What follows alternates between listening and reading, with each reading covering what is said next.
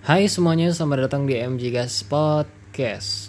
Sekarang tanggal 10 April tahun 2020 Jam setengah 12 Kurang lah ya. Sekitaran itu pokoknya. Oke. Ah Kalau gue hitung-hitung ya Ini kayaknya udah minggu keempat Di mana pemerintah menganjurkan kita supaya berada di rumah. Dan sudah kembali ditegakkan peraturan yang baru yaitu uh, social distancing dengan skala yang lebih besar. Gua pribadi tidak masalah dengan anjuran yang mengatakan bahwa kita harus berada di rumah gitu ya. Tapi yang menjadi masalah sama gue adalah gue harus menyelesaikan tugas akhir gue gitu. Jadi uh, ceritanya tuh kan gue survei ya survei ke tempat di mana gue bakal syuting buat produksi tugas akhir gue dan tadinya tuh tempat nggak ada kayak apa ya kayak tempat ruangan desinfektan gitu kayak apa sih? Apa sih? Gue lupa namanya. E, tempat yang buat nyemprot nyemprot orang gitu kayak sterilisasi gitulah. Jadi sekarang begitu gue mau masuk komplek itu gue harus turun dulu dari mobil masuk ke satu ruangan yang disemprotin sama desinfektan seluruh tubuh dan untuk pertama kalinya gue ngerasain disemprot kayak gitu gue gue nggak tahu ya karena tiap daerah tuh mungkin beda-beda gitu. Uh, dan misalnya rumah sakit atau komplek atau mungkin uh, di kota gitu ditaruh ya di tengah kota ditaruh satu tempat gitu buat desinfektan mungkin yang cairan dipakai beda-beda. Tapi waktu itu gue nyoba pas gue rasain tuh kayaknya kayak kayak disemprot sama minyak kayu putih tau nggak? Sama sama apa? Balsem-balsem dikit gitu jadi kayak pedes-pedes dikit lah gitu. Dan uh, apa ya itu kayaknya udah berjalan semenjak ada peraturan dari pemerintah yang mengharuskan bahwa uh, setiap masyarakat itu harus bekerja sama untuk mencegah penyebaran virus corona ini. Nah, masalahnya Pak, Bu, ya begini. Yang gue perhatikan minggu ini, minggu keempat ini, orang tuh udah mulai macet-macetan lagi. Orang udah mulai keluar-keluar lagi. Dan gue pribadi juga, uh, eh, gue terus terang aja gue lebih banyak di rumah ya. Karena kan semester ini gue cuma ngurus skripsi. Jadi aktivitas ke kampus pun juga jarang gitu. Dan kampus pun juga kalaupun gue ke kampus juga kampus dikunci gitu loh. Paling gue juga cuma nyari uh, apa kayak tempat fotokopian yang kebetulan mungkin cuma ada deket situ ya. Misalnya gue mau ngeprint A2 nih A1 gitu ukuran A2 A1 nah deket rumah gue nih gue nggak tahu nih daerah mana yang uh, bisa ngeprint A2 A1 yang gue tahu deket kampus gue ya udah gue ke sana lah ya kan. Gue berangkat ke sana ternyata begitu gue nyampe di tempatnya ternyata tutup gitu. Dan kampus pun ditutup gitu. Gerbang parkiran tutup gerbang kam, uh, kampus belakang tutup gerbang depan juga ditutup. Yang gue yang buka tuh cuma gerbang buat ke bank doang gitu loh. Dan gue untuk urusan skripsi gue bimbingan lewat online ya video call gitu sama dosen. Dan ya seru lah untungnya. Bukan seru maksudnya untungnya tuh gue dapat dosen yang enak gitu loh. Jadi kayak justru menurut gue lebih antusias dia gitu daripada gue gitu buat bimbingan. Alhamdulillahnya itu ya gue dapat dosen enak. Terus kemudian karena ini sifatnya gue tugas akhirnya bikin karya jadi gue bukan penelitian ya otomatis kan gue juga butuh bantuan gitu dari orang-orang. Misalnya karena gue buat film karya gue jadi gue butuh kayak talent butuh kayak kru gitu. Dan gue hubungin orang-orang sana sini ya kan buat minta jadi kru gue buat jadi talent gue juga. Sebenarnya seharusnya ketika gue akan membuat sebuah film ini seharusnya kita ketemu dulu gitu ngumpul dulu. Cuman mereka bilang gini e, bang sorry ya gue kalau kayak gini situasinya gue nggak bisa bantuin lu gitu. Maaf ya bang tapi kalau gue uh, situasinya kayak gini gue nggak bisa jadi talent lu gitu. Ya gue ngerti juga sih gue ngerti juga. Tapi terus terang ya yang ada di kepala gue saat ini adalah bukan mengenai virus coronanya tapi yang ada di kepala gue saat ini adalah gimana caranya supaya TA gue paling nggak produksi filmnya udah berjalan gitu loh. Karena gini kalau misalnya gue udah syuting kan tinggal proses editing doang ya ya kan? File mentahnya udah ada. Jadi udah udah selesai gitu loh. Bagi gue yang penting tuh sekarang untuk sekarang masalah makalah masalah print printan ya apa isi isi lembar tuh ya insya Allah kelar lah bentar lagi. Tapi yang repotnya ini adalah harus syutingnya itu. Karena pertama gue syutingnya tuh harus nginep gitu. Gue tinggal di Jakarta. Nah sementara lokasi syutingnya tuh daerah Tangerang gitu ya daerah Parung. Dan gue minta sama talent sama kru gue supaya nginep dan mereka mau gitu. Cuman masalahnya ya itu tadi. Gara-gara virus corona ini semua itu jadi ketunda gitu loh. Semuanya jadi kehambat gitu. Bahkan uh, eh, UN aja itu dihapus kan sama pemerintah yang seharusnya 2021 sekarang jadi 2020 udah dihapus gitu jadi mereka lulus sudah yang SD SMP SMA gitu tapi SMK kan udah duluan kalau nggak salah UN-nya ya jadi mereka kayak ya ya udahlah gitu Nah, gue baca di berita, bukan baca di berita, gue baca di grup WhatsApp. Jadi teman gue kayak nge-share gitu. Nah, di Makarim diminta untuk uh, meluluskan mahasiswa yang skripsi gitu. Karena UN aja udah lulus, sekarang skripsi juga dilulusin dong. Itu akan sangat luar biasa sekali jika Nadiem Makarim berani mengatakan ya yang anak mahasiswa skripsi silakan diluluskan saja gitu. Wah gila gue seneng banget sumpah sih. Bener dah. Jujur aja ya, ini udah minggu ke-6 dan gue masih belum dapat sama sekali kabar kapan gue sidang proposal yang pertama sidang seminar lah ya kita nyebutnya sidang seminar yang pertama gitu sinar jadi sidang gue itu ada dua satu sidang istilahnya sebutnya sempro yang kedua baru sidang akhir gitu. Dan yang di apa di setelah UTS lah uas lah jatuhnya gitu. Nah gue nih sampai sekarang belum dapat kabar kapan jadwal sidang sempronya. Padahal ini udah minggu ke 6 kalau dihitung-hitung dalam satu semester itu ada 16 minggu. Nah ini udah minggu ke-6, artinya minggu ke-8 seharusnya gua sudah sidang gitu. Berarti minggu ke-7 besok itu kan dari tanggal berapa ya? Tanggal berapa ya? Aduh, dari tanggal 19 sampai tanggal 12 atau 13 lah gitu. Intinya itulah. Nah, minggu ketujuh ini seharusnya gue udah nyerahin proposal, udah nyerahin tanda tangan dari pembimbing, persetujuan buat maju sidang tapi ini belum ada sama sekali kabar dan gue khawatir jujur gue gagal gue khawatir gagal gitu maksud gue aduh ya allah kenapa sih kayak gue nggak boleh jadi sarjana gitu gue pribadi gini ya nih gini kalau gue pribadi ditanya sebenarnya menurut lu penting gak sih lu jadi sarjana gitu ya? Buat gue pribadi nggak penting-penting amat. Karena selama lu bisa ngasilin duit ya kan? Selama lu bisa ngasilin duit lu bisa beli rumah lu bisa beli mobil lu bisa beli motor lu buat kesehatan bisa uh, biayain buat kebutuhan sehari-hari nutup buat beli ini buat beli itu buat liburan buat ke mana-mana gampang. Buat gue nggak perlu gitu. Karena ya apa ya? Ya ini zamannya tuh bukan lagi lu punya ijazah lu terus lu pasti sukses itu enggak juga gitu. Itu tujuan ijazah itu kan pada awalnya untuk menentukan lu lebih pantas mendapat gaji berapa kan. Cuma kan sekarang udah banyak lulusan sarjana satu gitu. Dan banyak orang yang berlomba-lomba jadi PNS lah. Terus gue denger katanya PNS itu nanti 2022 apa 2000 sampai 2024 katanya tuh akan ada penghapusan besar-besaran gitu loh. Jadi kayak ya sekarang sih PNS masih aman ya tapi buat golongan-golongan yang uh, bawah gitu golongan-golongan yang masih bawah gitu masih baru itu bakal dihapus katanya. Karena uh, akan diganti eranya menjadi 5 uh, zero apa gue lupa dah istilahnya apa gitu. Sekarang kan uh, era 4.0 nih. Katanya mau diganti jadi 5.0 gitu. Jadi era-era robotik era-era di mana teknologi bekerja tuh udah mulai diganti. Dan gue udah ngeliat itu gitu. Kemarin di Pondok Indah itu OB aja udah diganti sama robot. Ya walaupun masih ada OB pada biasanya sih tapi udah ada robotnya gitu. Di Pondok Indah tuh udah ada robotnya gue bilang.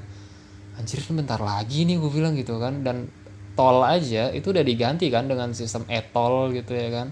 Lu bisa bayangin nggak berapa banyak jumlah penjaga tol itu yang dipecat yang di PHK gara-gara sistem teknologi gitu gara-gara teknologi yang berkembang. Jadi kita sekarang udah pakai e-tol aja nggak perlu uang tunai uang tunai segala gitu. Ya kan? Itu salah satu era perubahannya tuh dari situ. Simpelnya begitu kalau lu mau lihat. Dan uh, kedokteran pun dunia kedokteran pun juga gitu. Gara-gara virus corona ini naik gara-gara virus corona ini menyebar banyak orang-orang mulai berpikir bahwa wah alangkah baiknya jika kita menggunakan robot gitu. Karena tenaga medis seperti perawat seperti dokter itu kan rentan terkena corona ya jadi mereka gampang tertular dan ya bisa-bisa mereka meregang nyawa juga gitu. Jadi untuk lebih mudah untuk menekan angka penyebarannya ya lebih baik menggunakan robot gitu. Gue juga mikir iya bener juga ya. Dan itu udah mulai ternyata gitu. Udah banyak rumah sakit rumah sakit di dunia yang menggunakan robot gitu. Operasinya udah mulai pakai robot terus kemudian perawat-perawat juga pakai robot gue bilang. Ya gue nggak tahu mungkin Indonesia masuknya kapan kali ya tapi ya cepat atau lambat akan terjadi gitu. Masa itu akan terjadi gitu. Dan gue udah mikir kayak oke okay, apa yang nggak bisa dilakukan oleh robot? gitu. Yang gue tahu adalah robot tuh nggak bisa uh, menciptakan sesuatu. Kecuali uh, dia punya kecerdasan buatan ya. Aduh anjir itu lagi tuh. Istilah artificial artificial intelligence itu ya kecerdasan buatan itu menurut gue tuh nyebelin ya. Karena tuh lu membuat robot bisa berpikir gitu lu membuat robot bisa mengerti suatu hal gitu. Nah dan pada akhirnya mungkin dia mereka bisa menciptakan sesuatu. Tapi tetap lah kita sebagai manusia seharusnya tetap lebih pinter gitu ya kan. Tapi gue pernah baca artikel jadi gini ada juara catur dunia itu dia nggak bisa mengalahkan uh, apa kecerdasan buatan gitu. Jadi lu bayangin uh, ada robot nih ada robot punya kecerdasan buatan gitu punya otak sendiri lah dia bisa mikir sendiri. Terus dia ngelawan pemain catur dunia gitu yang udah juara dunia gitu loh. Dan itu juara dunia tuh kalah gitu. Lu bayangin bisa kalah gitu sama kecerdasan buatan. Gue mikir wah gila serem sih. Menurut gue serem gitu. Dan gue kan kuliah di broadcasting kan. Lama-lama nanti mungkin di broadcasting ini yang bekerja malah sistem robotik semua gitu kamera yang gerakin robot segala sesuatunya dia di tema robot gitu kita cuma nyusun-nyusun konsep aja. Dan itu udah kejadian. Jadi gue tipe orang yang selalu apa ya bukan selalu sih tapi update lah mengenai alat-alat untuk syuting alat-alat untuk membuat film gitu foto. Dan itu gila gokil banget sumpah. Kamera tuh udah pakai robot cuy. Jadi ibarat kata lu ngesut dari atas tuh dari langit-langit bisa langsung ke bawah gitu. Jadi kayak bener-bener muter itu kamera dan itu aduh gila gue ngeliat alatnya udah keren banget sumpah. Kita tinggal ngatur aja gitu. Justru malah peran pentingnya di sini anak-anak IT yang gue lihat kalau misalnya tuh alat rusak anak-anak robot yang bisa benerin kan gitu. Anak-anak yang ngerti robot ngerti ngerti teknologi. Dan sementara kita yang uh, apa yang ngebuat filmnya cuma tinggal ngatur-ngatur aja. Ngambil kamera gini lampu begini gitu. Cuman halah gue gak ngerti lah. Terlalu canggih dunia sekarang gitu. Jadi seakan-akan kayak kayak apa ya munculnya virus corona ini seakan-akan tanda bahwa manusia tuh emang udah harus ada yang dikurangi gitu. Karena jika terlalu banyak manusia maka dunia ini udah kan nggak akan seimbang lagi gitu. Gue sih mikirnya begitu ya. Karena dengan dengan kita memasuki era baru maka akan banyak manusia-manusia yang nggak kepakai gitu loh. Dulu kan prinsip orang zaman dulu tuh kan karena setelah perang dunia kedua yang gue baca ya setelah perang dunia kedua orang-orang kan tentara-tentara banyak yang pulang kampung kan masyarakat masyarakat udah banyak yang nikah gitu. Otomatis mereka bakal punya banyak anak gitu. Nah sekarang kita masuk masa di mana manusia sudah mulai tidak dibutuhkan lagi keberadaannya gitu. Bukan nggak dibutuhkan maksudnya keberadaan mereka yang terlalu banyak kayak sekarang ini udah mulai nggak dibutuhkan gitu. Jadi muncul coronavirus ini menurut gua salah satu cara alam gitu. Ya gue nggak tahu lah cara alam apa cara uh, era untuk mengurangi manusia gitu loh. Dengan ya kejam sih memang uh, dengan cara membunuh gitu ya. Karena gini gini logikanya gini. Misalnya ada 500 orang nih dalam satu kota gitu. Terus semuanya kerja gitu. Ada yang jadi OB ada yang jadi akuntansi ada yang jadi manajer ada yang jadi kreator ada yang jadi pemilik perusahaan Nah, terus tiba-tiba si pemilik perusahaan ini dia membeli uh, robot gitu untuk menghitung segala macam jenis administrasi. Otomatis orang-orang yang bekerja di bagian akuntansi, taruh aja orang-orang yang bekerja di bagian akuntansi atau mungkin ekonomi itu hitungannya dalam satu kota itu ya 50 orang lah. Otomatis 50 orang ini kan akan berkurang kan? Akan berkurang menjadi 20, atau mungkin jadi 10 gitu ya kan? Sisanya udah sistem semua yang kerja gitu. Nah 40 nya itu kan pasti nggak ngapa-ngapain kan? Pasti nggak nggak ada kegiatan gitu. Otomatis mereka mati gitu kan? Otomatis mereka nggak produksi nggak nggak produktif gitu. Kalau mereka nggak produktif lama-lama mereka akan menjadi parasit. Parasitnya gimana? Bisa aja ntar mereka pada akhirnya membuat tindak kejahatan gitu. Akhirnya uh, melakukan berbagai cara gitu untuk mendapatkan uh, apa cara bertahan hidup terus kemudian melakukan hal-hal yang nggak kita duga gitu. Jadi dengan munculnya corona ini otomatis orang-orang tuh akan tersisih gitu dengan cara yang ya memang jahat sih. Terutama bagi mereka-mereka yang apa ya bisa dibilang mungkin kalangan menengah ke bawah pasti akan terli terlibas lebih dulu biasanya gitu seharusnya eh, bukan seharusnya biasanya sih begitu akan terlibas lebih dulu gitu. Karena orang-orang yang menengah ke atas itu pasti punya pegangan gitu. Sementara orang-orang yang menengah ke bawah kan susah ya. Jadi pasti kelibas dulu. Dan gue di sini udah mikir kayak hah gila ternyata ini cara alam nih cara dunia nih kejam juga gitu loh maksudku. Memang gitu. Bukan masalah egois nggak egois bukan masalah rasis atau nggak rasis bukan masalah menang nggak menang tapi emang gitu cara kerja dunia gitu. Di mana mana tuh selalu yang kuat yang yang mendominasi.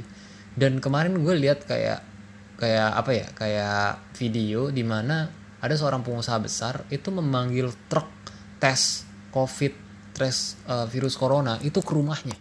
Lu bayangin truk gitu truk apa truk lab gitulah kayak di film-film kan biasa kan uh, kalau lu nonton film yang ala-ala penelitian gitu kan biasanya ada truk tuh yang isinya laboratorium berjalan gitu. Nah jadi bawa itu ke rumahnya. Dan satu keluarga dites gitu. Itu mendapat kecaman dari banyak orang karena kesannya egois gitu. Kesannya ingin menang sendiri kesannya ingin belagu. Iya gue pribadi ngelihatnya emang begitu ya. Karena mereka karena gini seharusnya lu mikirin orang juga dong gitu ya kan. Tapi kalau gue lihat dari sudut pandang yang lain sebenarnya yang dilakukan nggak salah gitu. Karena dia emang punya duit gitu kan. Dia emang berhak gitu loh untuk mendapatkan yang lebih cepat gitu yang lebih baik. Ya lu beli tiket VVIP sama tiket ekonomi ya jelas beda gitu kan. Jelas beda simple begitu. Tapi kalau kita lihat dari sisi keadilan memang nggak adil gitu. Gue sendiri juga pas ngeliat anjir nggak adil banget gitu ya kan di saat uh, gue yang jaga jarak gitu di rumah ya kan khawatir kena gitu bahkan buat dapat tes aja susah gitu ya kan. Katanya tes itu didahulukan untuk orang-orang yang lebih memiliki kepentingan seperti pejabat terus kemudian apalagi polisi TNI ya karena memang mereka garda terdepan lah ya kan pasukan terdepan untuk ngatasin ini semua gitu. Ya gue kesel sih ngelihat video itu gitu. Lu mentang-mentang pengusaha ya kan enak banget gitu. Makanya gue berpikir bahwa apa ya yang bisa gue lakukan gitu loh apa yang bisa gue lakukan supaya uh, eh, gue tuh nggak nggak menjadi orang yang kalah gitu loh. Karena tuh dunia tuh emang selalu nggak adil gitu. Dunia tuh emang nggak adil men. Orang bilang kayak ya ini udah emang rezeki bukan bukan emang rezeki tapi emang dunia tuh nggak adil gitu. Dunia tuh emang kejam gitu. Emang seperti itulah caranya gitu. Lu tau nggak kenapa eh, orang-orang seperti yang Lex seperti apa Arab gitu yang tatoan yang selengean gitu justru malah mereka dapat duit banyak gitu mereka malah sukses gitu ya. Karena gini menurut gue gini ya kita dari kecil tuh udah dididik untuk mengikuti suatu formula gitu loh. Suatu standarisasi yang diajarkan oleh orang-orang tua kita guru-guru kita sesepuh-sesepuh kita kalau lu mau sukses kalau lu mau hebat kalau lu mau kaya raya lu harus begini caranya. Tapi faktanya begitu kita udah gede ternyata yang mereka ajarkan selama ini nggak persis gitu. Nggak sama gitu loh. Nggak menjamin kita sukses. Sementara kita ngelihat orang-orang yang hidupnya tidak beraturan yang tidak mengikuti formula yang sudah dibuat yang tidak mengikuti standar yang dibuat tiba-tiba sukses tiba-tiba berhasil ya otomatis kita marah lah gitu. Karena kan rasanya nggak adil gitu kok kita yang udah kata kita yang udah rajin kita yang udah baik kita yang udah taat kok malah nggak berantak malah berantakan gitu. Sementara lu yang ber begajulan lu yang nggak beres kok lu malah berhasil? Nah di sini kita marah karena kita merasa ditipu gitu loh. Merasa ditipu oleh orang tua sendiri oleh guru-guru kita sendiri sesepuh sesepuh kita para penasehat. Karena fakta faktanya nggak ada yang bisa menjamin bahwa lu besok pasti sukses gitu sama kayak yang gue bilang tadi kalau gue sekarang ditanya apakah buat gue sarjana itu penting? Buat gue pribadi gue pribadi insya Allah gue nggak apa-apa deh kalau gue nggak jadi sarjana. Cuma kan problemnya kan orang tua nggak mau kan kalau anaknya nggak jadi sarjana kan. Ya orang tua mana gitu zaman sekarang ya kan yang gak mau ngeliat anaknya jadi sarjana gitu. Dan gue udah tahu gue udah paham banget gitu begitu lu lulus dari kampus tuh itu ijazah tuh nggak ngejamin lu bakal kaya raya besok enggak. Banyak juga kok orang yang nggak sekolah gitu ya kan yang asik kayak eh, yang bisa dapetin duit banyak. Bagi gue tuh selama lu bisa ngasilin duit lu bisa beli rumah beli mobil beli motor biaya kesehatan ada pendidikan ada belanja sehari-hari ada lu bisa liburan ke mana-mana itu udah cukup buat gue gitu. Ini nggak harus selalu dengan uh, sarjana ini. Gue pengen cepet-cepet lulus karena gue cuma pengen cepet-cepet bebas. Udah itu aja gue pengen cepet-cepet bebas nentuin ke mana gue mau jadi apa gue mau ngapain gitu. Dan banyak yang pengen gue lakuin gitu. Karena kalau gue nggak cepet-cepet lulus ini gue terikat terus sama orang tua gue gitu. Jadi begitu gue lulus nih sarjana ya kan ijazah gue udah dapat gue kasih ke orang tua gue dah nih. Itu kan pengennya kan jadi sarjana udah gitu. Tuh. Dan lu tahu apa uh, apa ya? Gue gue nggak tahu gue nggak tahu harus gimana gitu yang ada di kepala gue saat saat ini adalah gimana caranya nih supaya gue cepet lulus dulu gitu. Karena capek anjir. Terus terang gue capek gitu. Gue banyak hal yang pengen gue lakuin gitu. Gue pengen pengen bisa ngerasain pengalaman kerja gitu. Dari kemarin tuh banyak banget gue dapet tawaran job ngedit ini bikin ini bikin itu. Tapi gue nggak berani ngambil karena gue khawatir kuliah gue keganggu. Kalau kuliah gue keganggu orang tua kan marah lagi kan. Repot lagi gue makanya gue ini gue tahan-tahan anjir. Gue berasa kayak burung dalam sangkar tau nggak? Jadi gue mau terbang bebas. Ntar dibilangnya kacau gitu tapi gue kalau di dalam sangkar juga sayap gue sayang banget gue diemin gitu. Aduh dan gue nggak tahu ya eh, orang-orang gimana di luar sana ya. Tapi yang jelas pasti susah juga ya. Pasti susah juga. Nggak cuma nggak mungkin cuma segolongan orang doang cuma gara-gara virus corona ini. Tapi gue ngeliatnya sih kayak gitu ya. Balik lagi ke tadi itu masalah perubahan zaman. Gue ngelihatnya ini salah satu cara uh, dunia gitu. Cara perubahan zaman untuk menyeleksi manusia gitu loh. Yang emang lu udah nggak boleh bukan nggak boleh ya maksudnya emang harus dikurangi gitu. Karena manusia berapa ya? Gue denger katanya total manusia sekarang 7 miliar lebih kalau nggak salah. Mungkin gue nggak tahu mungkin dengan adanya virus corona ini bisa berkurang bisa berkurang 500 juta mungkin apa? Gua nggak tahu ya ya. Eh cir serem banget 500 juta ya. Enggak lah jangan jangan jangan. Gila 500 juta. Black Death aja 50 juta gitu. Black Death tuh virus apa virus dari hewan gitu. Itu tahun 1400an kalau nggak salah gue denger katanya itu Black Death aja 50 juta. Anjir gue barusan ngomong apa ya Allah? Astagfirullahaladzim. Gila kalau 500 juta penduduk dunia hilang waduh.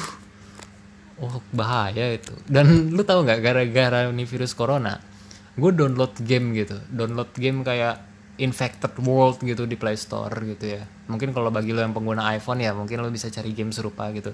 Jadi game ini mensimulasikan penyebaran virus gitu. Lu jadi virusnya gitu jadi lu bisa uh, bermutasi diri lu sendiri lu bisa uh, mengubah uh, transmisi apa yang bisa lu lalui. Misalnya kayak uh, apa penularannya nih lewat lewat udara nih. Nah lu upgrade lewat udara. Oh lewat makanan nih uh, apa penularannya. Lah bisa lu upgrade ke situ. Terus kemudian penyakitnya apa aja nih yang tadinya panas biasa jadi panas tinggi gitu bahkan sampai bisa bikin organ vital lo hancur gitu ya kan. Bahkan sampai uh, gagal organ apa organ dalam pokoknya serem-serem lah nama penyakitnya di situ. Dan itu bisa kita upgrade terus gitu. Lu cepet-cepetan sama manusia gitu. Jadi lu jadi virus nih. Lu jadi virusnya lu atau jadi bakteri lah ya. Uh, lu cepet-cepetan sama manusia gitu. Ma menang mana gitu. Dan gue dan gue uh, itu gue jadi bakteri gitu ya. Gue waktu itu gue jadi bakteri jadi gue mensimulasikan bahwa penyebaran gue melalui ini ini ini yang uh, setiap berapa waktu gue bermutasi menjadi lebih ganas lagi gitu ya. Yang tadinya cuma sakit panas tiba-tiba batuk batuk terus flu flu jadi sesak napas sesak napas terus jadi ke ke perut perut jadi ke ginjal ginjal terus semua gitu. Nah tuh kita kebut-kebutan sama manusia tuh. Dan itu waktunya memang lama. Waktunya tuh gue lihat ketika gue main satu simulasi itu bisa bisa setahun lebih gitu. Setahun lebih apa? Ya gue nggak tahu lah dua tahun gitu. Dan lu tahu gue berhasil menghancurkan berapa negara ya? Ada ada pokoknya tuh tinggal sisa empat negara aja lah gue berhasil hancurin pokoknya tuh dunia tiga perempatnya udah gue hancurin gitu tinggal seperempat lagi lah intinya gitu. Dan gue berhasil gitu. Dan menurut gue serem juga gitu simulasi kayak gitu Eh, apalagi gini. Dan kalau seandainya itu udah benar terjadi anjir. Ya kali anjir. Wabah banget itu sumpah. Gue gue tadi salah ngomong sampai 500 juta anjir. Kalau 500 juta penduduk dunia meninggal tuh buset serem banget ya. Ditambah ya, karena gini ya gue bukannya doa bukannya doain supaya terjadi tapi ya gimana ya emang mungkin kita tuh emang memasuki era di mana manusia mulai diseleksi gitu manusia-manusia yang memang harus dikurangi gitu. Tapi yang menyeleksi itu alam gitu. Nggak memandang lu kaya lu miskin lu pinter lu bego lu muda atau lu tua. Tapi alam sendiri yang menyeleksi gitu kayak ya udah lu bakal lu mati lu mati lu mati lu mati lu mati gitu loh. Kayak kayak Thanos gitu di film apa eh, Avenger yang dia cetikin jarinya doang tes setengah populasi dunia jagat raya menghilang gitu ya kan secara random mungkin gitu kali prinsip kerjanya melalui virus corona ini. Dan eh, ya itu tadi ketika misalnya taruh aja lah 500 juta beneran meninggal gitu kan otomatis dunia tuh pasti akan mengalami perubahan yang luar biasa sih menurut gue menurut gue oke? Gue sih nggak bukannya bukannya gue berharap itu terjadi enggak tapi ya bisa aja gitu. Karena gini ya gue tiap kali eh, melihat film-film masa depan game-game yang menceritakan tentang masa depan itu selalu sepi gitu manusianya. Selalu sepi manusianya tuh selalu sepi. Kayak apa ya seakan-akan kayak di masa depan tuh semuanya tuh energi lebih teratur lebih baik gitu lebih tertata tanaman lebih bagus kota-kota lebih hidup gitu dengan energi yang eh, tidak boros seperti sekarang pencemaran lingkungan tidak terlalu banyak. Dan mungkin itu kali dengan cara mengurangi manusianya gitu. Manusia manusianya dikurangin. Da, tapi dikuranginnya secara random gitu nggak jelas gitu loh.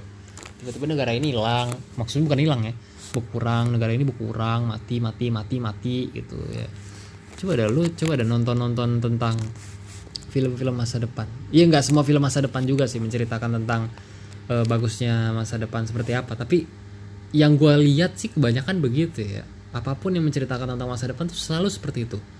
Eh, kota yang tertata rapi ya kan gedung-gedung yang hemat energi gitu. Terus kemudian eh, kendaraan umum yang sedikit kendaraan di jalan yang sedikit manusia-manusia yang sedikit gitu. Seakan-akan kayak ya lu istimewa lah masa depan itu ya. Dan eh ya serem dan gak serem gitu loh. Seperti yang Thanos bilang gitu. Sekarang mungkin ketika dia cetikin jarinya itu dunia akan sedih sengsara tapi kata Thanos untuk beberapa waktu ke depan kalian akan bersyukur gitu. Ya mungkin itu kali pengorbanan yang harus dilakukan manusia ya kan? Gue nggak ngerti juga gua. Tapi balik lagi virus corona ya. Secepatnya gue harap eh, cepat mereda gitu. Karena jujur aja target gue gue pengen Mei gue udah bisa syuting gitu gue pengen Mei udah bisa syuting udah bisa produksi. Ya walaupun bulan puasa ya nggak apa-apa lah ya. Gue berharap sih bisa gitu loh. Karena kalau misalnya gue nggak syuting syuting ini gue kapan kelarnya gitu loh maksud gue karena yang paling penting sama gue nih sekarang nih syutingnya dulu gitu loh. Gue udah syuting gue udah punya file mentahnya tinggal gue edit ya kan masuk masukin masukin masukin. Selesai udah masalah tapi kalau misalnya kalau nggak jelas kayak begini kan repot gitu ya kan. Kalau misalnya gue nggak bisa syuting gue nggak bisa keluar nggak bisa survei ngumpul aja udah nggak boleh sekarang. Susah jadinya gitu. Ada yang bilang eh, katanya Juli gitu. Gue bilang aduh ya Allah jangan Juli gue kapan Juli tuh ini apa sidang gue akhir gitu. Gue udah harus maju presentasi gitu loh. Dan apa ya ya gue nggak ngerti lah ya ini gue gue sampai ngomong ke orang tua gue kalau misalnya gue gagal gimana ya udahlah nggak apa-apa gitu emang nasib kali. Ya sial berarti gue aduh ya Allah ya Allah. Tapi ya gimana lah ya. Percuma juga lo ngeluh gitu ya kan. Emang nasib lu sial ya mau gimana gitu. Emang takdir lu apes kali lagi apes aja gitu. Lagi apes lagi susah. Paling orang ujung-ujung bilang ya udah sabar ya sabar ya. Kayak kucing lu sabar sabar sabar. Hah. Dan gue nggak tahu ya teman-teman gue apakah mereka diam-diam udah mulai syuting gitu udah mulai uh, produksi gitu ya. Karena kan dalam posisi kayak gini kan orang udah nekat-nekat aja lah ya kan udah nggak mikir gitu ya bodoh lah. Mau virusnya nyerang dia kayak mau kagak kayak yang penting kerjaan gue selesai dulu yang penting gue dapat duit yang penting gue kelar ya kan.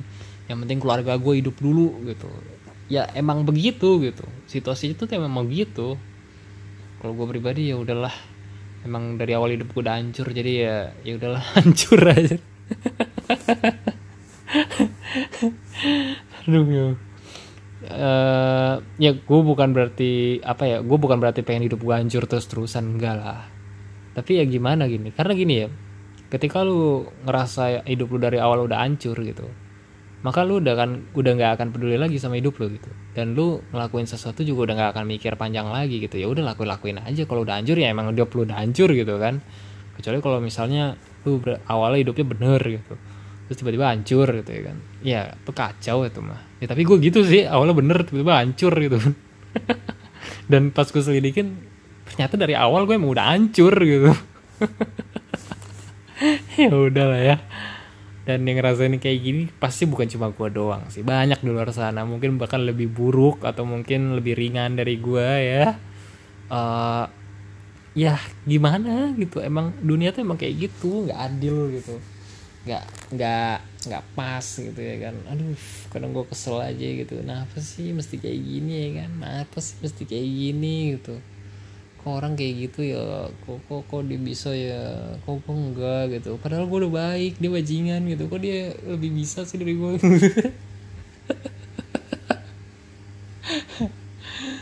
ya Allah emang bener-bener dah dunia dah. Oke kayaknya itu aja ya uh, yang mau gue cerita tentang karantina eh karantina tentang virus corona ya. Sekali lagi tapi walaupun gue lebih mikirin TA gue bukan berarti gue meremehkan virus corona juga ya? Enggak enggak. Gue nggak meremehkan virus corona. Karena kalau gue lihat dari apa animasi yang menjelaskan tentang virus corona itu serem banget sih. Apalagi buat orang katanya gini yang diserang itu paling bahaya itu paru-paru. Nah gue itu kan anak asma ya kan? Otomatis paru-paru gue ini udah lemah gitu. Udah lemah dari awal gitu. Makanya gue udah bilang gue ini udah hancur dari awal gitu gue nih gue nih udah hancur dari awal gitu. Maksud gue aduh gue lahir aja udah begini ya kan? Fisik gue udah lemah gitu. Paru-paru gue udah ini lagi virus corona yang nyerang paru-paru lagi. Alah udahlah. Kalau misalnya gue kena virus corona ya gue harap sih gue kebal ya. Kali aja gitu ya kan? Uh, apa sistem imun di badan gue lagi kuat gitu. Bukan lagi kuat emang kuat gitu. Ngadepin corona jadi begitu virus corona masuk nggak mempan gitu ya dan untungnya gue denger katanya nggak airborne. Jadi penyebarannya tuh nggak lewat nggak lewat udara tapi lewat kayak benda-benda di sekitar lu yang udah terkena batuk atau terkena bersin dari orang-orang atau terkena ludah gitu ya. Hmm. Dan uh, ya gue sekali lagi gue tidak stres berada di rumah. Karena gue emang kebanyakan hari-hari gue juga di rumah gitu ya. Tapi gue juga suka nongkrong gitu. Dan uh, yang gue stresin sekarang karena gue nggak bisa nggak bisa ini aja nggak bisa survei. Bukan nggak bisa survei survei bisa ya. Gue nggak bisa produksi gue nggak bisa kumpul. Kru dan talent gue juga pada takut gitu. Ya gue juga nggak bisa maksa gitu karena nggak mungkin juga gue mau ngambil resiko dan orang tua mereka juga pasti mungkin larang gitu ya. Lah gitu ya kan. Aduh ya allah. Kalau misalnya gue ngaret lagi TA gue berarti gue lulus 2021 anjir 2021 gue lulus berarti gue otomatis ngerasain dunia kuliah 7 tahun bangsa. Aduh ya Allah. Berarti gue lulus lulus umur 24 dong. Ya Allah ya Rob. Umur 24 gue ngerasain kuliah tuh dari umur 17 tahun dari 18 tahun. 17 tahun lah ya umur umur gue 17 tahun gue ngerasain kuliah. Ya gue nggak tahu lah mungkin ini emang jalan hidupnya gue kali ya nggak tahu besok gue bakal miskin apa bakal nama kaya ya kan? Tapi kalau emang gue kalau hidup gue hancur ya gue inget aja lagi ya kan? Gue dari kecil emang udah hancur gitu. Emang udah banyak hancurnya gue emang gak ada bagus-bagus kalau gue pikir-pikir dari kecil gitu. Dari sekolah nilai gue juga jelek gitu. Di sekolah sering dibully. Olahraga juga nggak bener fisik juga nggak bagus. Kalian gue juga paling cuma bisa hal-hal yang berhubungan dengan dunia-dunia YouTube podcast gitu atau mungkin ngedit apa mungkin bikin sesuatu gitu ya kan. Ya yang gue bisa cuma itu gitu. Masalah gue bego gitu. Yang gue tahu cuma itu doang.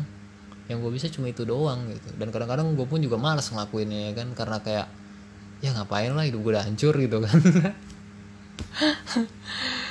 Aduh.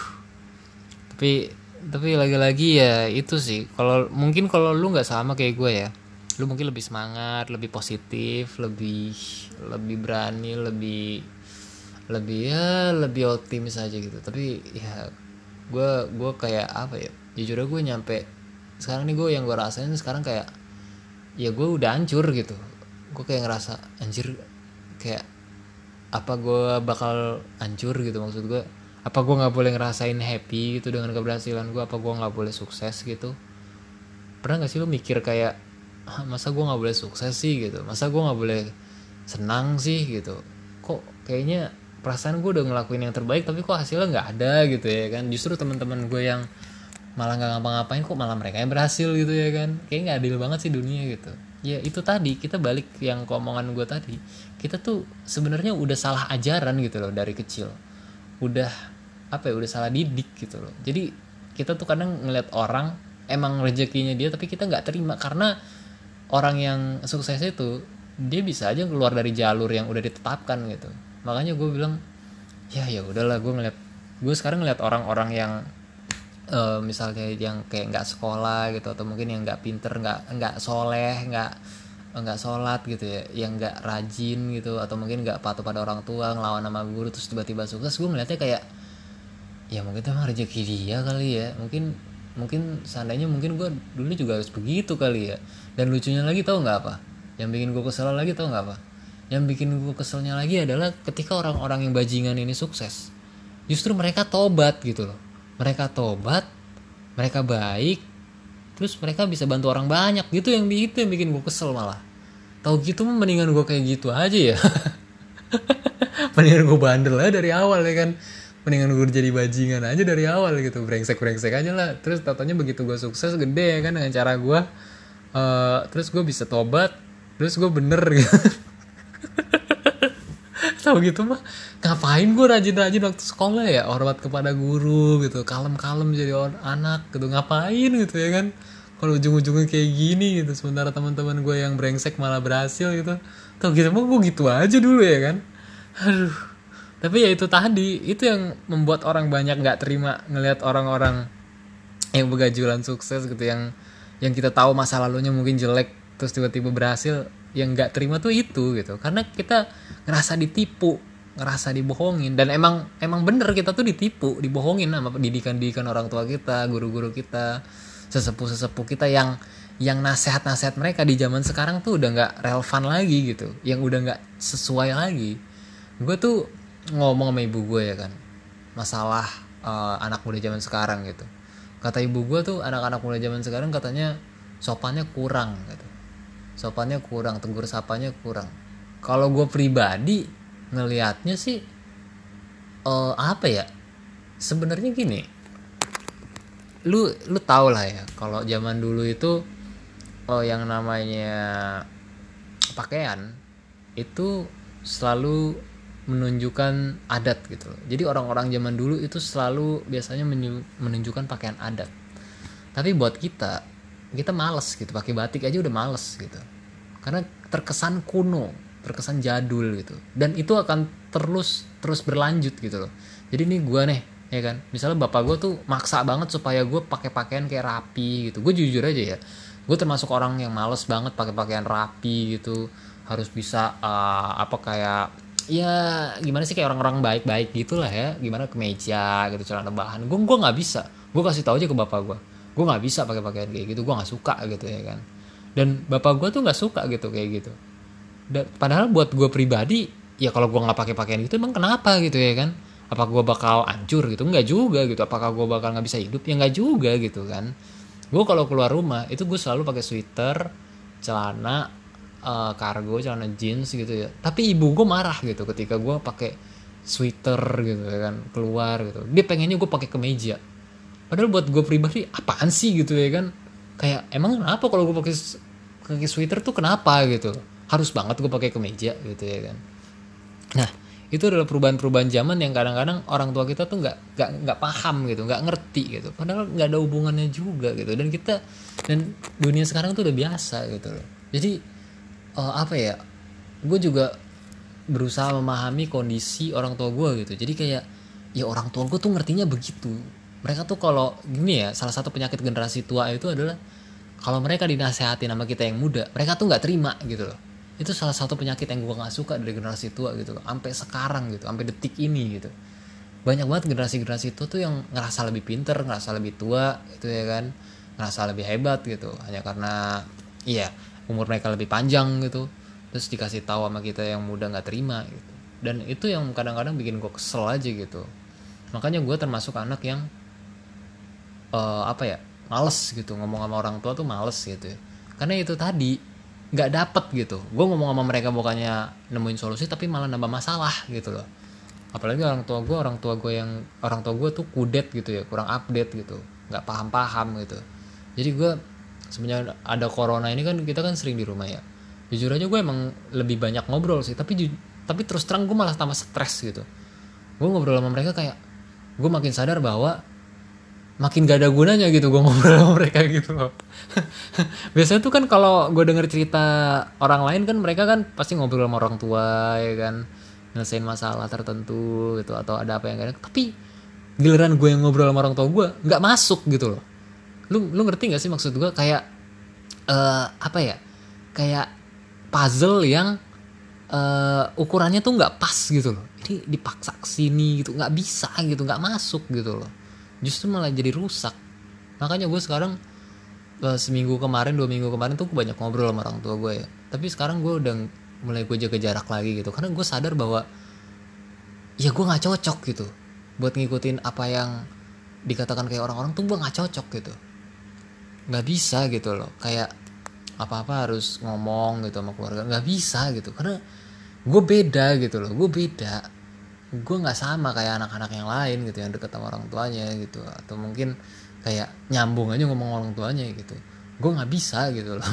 Dan dan itu nggak salah menurut gue. Karena banyak di luar sana anak-anak yang memang nggak cocok sama orang tuanya itu kan punya pandangan masing-masing dan orang tuanya saling keke juga. Orang tua gue tuh termasuk orang tua yang otoriter ya. Jadi mereka juga keras gitu. Dan gue pun juga akhirnya pada akhirnya gue memikir memilih bahwa ya udahlah nggak penting juga gitu ya kan. Dan sekarang pun gue udah mulai jaga jarak lagi sama orang tua gue gitu. Walaupun awal-awal pas minggu-minggu di rumah tuh gue banyak komunikasi sama orang tua gue dan gue makin sadar bahwa oh ini salah gitu. Gue nggak perlu ngomong ini ke orang tua gue gitu. Gue nggak perlu cerita cerita gitu. Nah yang lucunya adalah biasanya orang tua gue yang mancing-mancing supaya gue ngomong gitu ya gue nggak ngerti lah ya apa mereka emang pengen ngomong sama gue gitu. Karena buat gue gue sadar bahwa ini salah gitu loh. Gue gue ngomong sama mereka bukannya gue malah sama seneng tapi malah tambah stres gitu. Ya tapi tiap tiap hubungan orang tua sama anak tuh beda-beda lah ya. Sekali lagi beda-beda gitu. Mungkin ini yang gue rasain tapi kalau lu mungkin lu nyaman sama orang tua lu ngobrol ya kan ngumpul gitu jalan-jalan bareng gue udah enggak gitu. Jujur gue enggak enggak enggak cocok gitu. Karena cara pandang orang tua gue sama gue tuh beda banget. Ya makanya itu lagi-lagi gue pengen cepet-cepet kuliah ini kelar ya kan? Gue pengen cepet-cepet bebas gitu ya kan? Cuman cepet-cepet ngelakuin apa yang gue suka gitu karena gue capek juga didikte sama orang tua gue gitu kan. Keiket gue anjir seumur hidup bisa-bisa. Dan usia gue nih udah 23 tahun ya. Ya kalau misalnya sampai akhir tahun ya gue udah 24 gitu kan.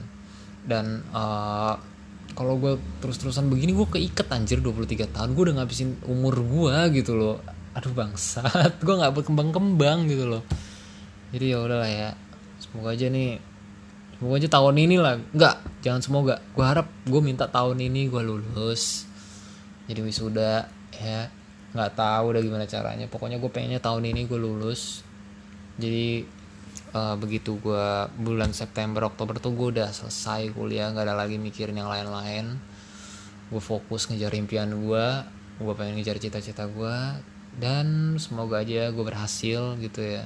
Dan yang pasti dan yang pasti kalau gue udah berhasil gue tentu aja nggak akan lupa dengan satu hal yang paling penting yaitu gue harus balikin lagi semuanya ke agama. Gue harus beragam gue harus beramal gue harus nolongin orang gue harus bantu orang gue harus uh, rajin beribadah gitu. Karena tujuan gue tuh pada akhirnya itu men. Ketika gue udah ngeraih semua impian gue cita-cita gue kesuksesan gue tuh pada endingnya tuh tujuan gue tuh ya itu balik lagi ke agama gitu. Gue tahu gue juga pada akhirnya gue mati gitu loh. Jadi gue pengen pakai apa yang gue punya buat bantu orang uh, beramal soleh gitu ya kan nambah pahala gitu karena gue sebagai seorang muslim ya kalau gue kan agama gue Islam jadi sebagai seorang yang memiliki agama Islam gue sadar bahwa gue akan akan dimintai pertanggungjawaban gue gitu loh. Apa-apa yang gue lakukan tuh gue akan dimintai pertanggungjawabannya gitu. Jadi uh, ya itu lagi endingnya tuh gue balikin ke agama semua gitu loh. Cuma rasanya tuh kenapa ya? Kayak kok lama banget gini aja kan apa gue yang kurang sabar gitu? Ya nggak tahu lah. Oke okay, uh, eh, itu aja sih yang pengen gue ceritain. Gue nggak tahu nih bakal ngasih judul podcast ini apa. Uh, temen gue kemarin sempat wawancara gue gitu ya. Jadi dia bikin podcast juga cuma dia nge-share di SoundCloud. Kalau gue kan di Spotify ya. Spotify Anchor gitu. Dan ya gue nggak tahu apakah nanti uh, eh, gue bakal ngajak orang lain buat ngobrol juga. Karena ngobrol tuh enak juga ya. Tapi kalau misalnya gini sayangnya tuh gue bukan tipe orang yang suka ngajak orang lain ngobrol sih. Gue lebih suka diajak ngobrol. Bukan ngajak ngobrol gue lebih suka apa ya ngedengerin orang ngomong gitu loh. Da, karena dengan lo ngedengerin orang ngomong lo akan dapat sudut pandang baru pengalaman dia yang baru kan.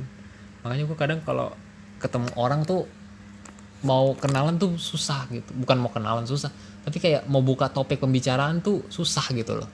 Bingung gue gitu. Karena gue kebanyakan ketemu orang tuh biasanya gue lebih banyak denger gitu loh. Makanya pas gue survei kemarin ke tempat gue mau syuting itu gue ketemu orang-orang baru kan di situ kan warga-warga di situ. Itu jujur aja gue agak kagok gitu mau buka topik gitu. Karena gue bingung mau nanya apa ya suasana. Masa nanya suasana ya kan? Bahasa basinya bego banget gue gitu kan. Tapi ya udahlah mungkin seiring dengan berkembangnya waktu gue bisa belajar gitu cara bicara dengan orang gitu cara membangun network dengan orang gitu. Karena penting loh jaringan itu. Lu bisa punya teman baru lu bisa nambah wawasan baru ya kan. Oke terima kasih sudah mendengarkan podcast gue ini. Uh, semoga aja virus ini cepat berlalu dan gue harap begitu bulan puasa semuanya aduh sudah mereda. Terima kasih dan sampai ketemu di podcast berikutnya. Dadah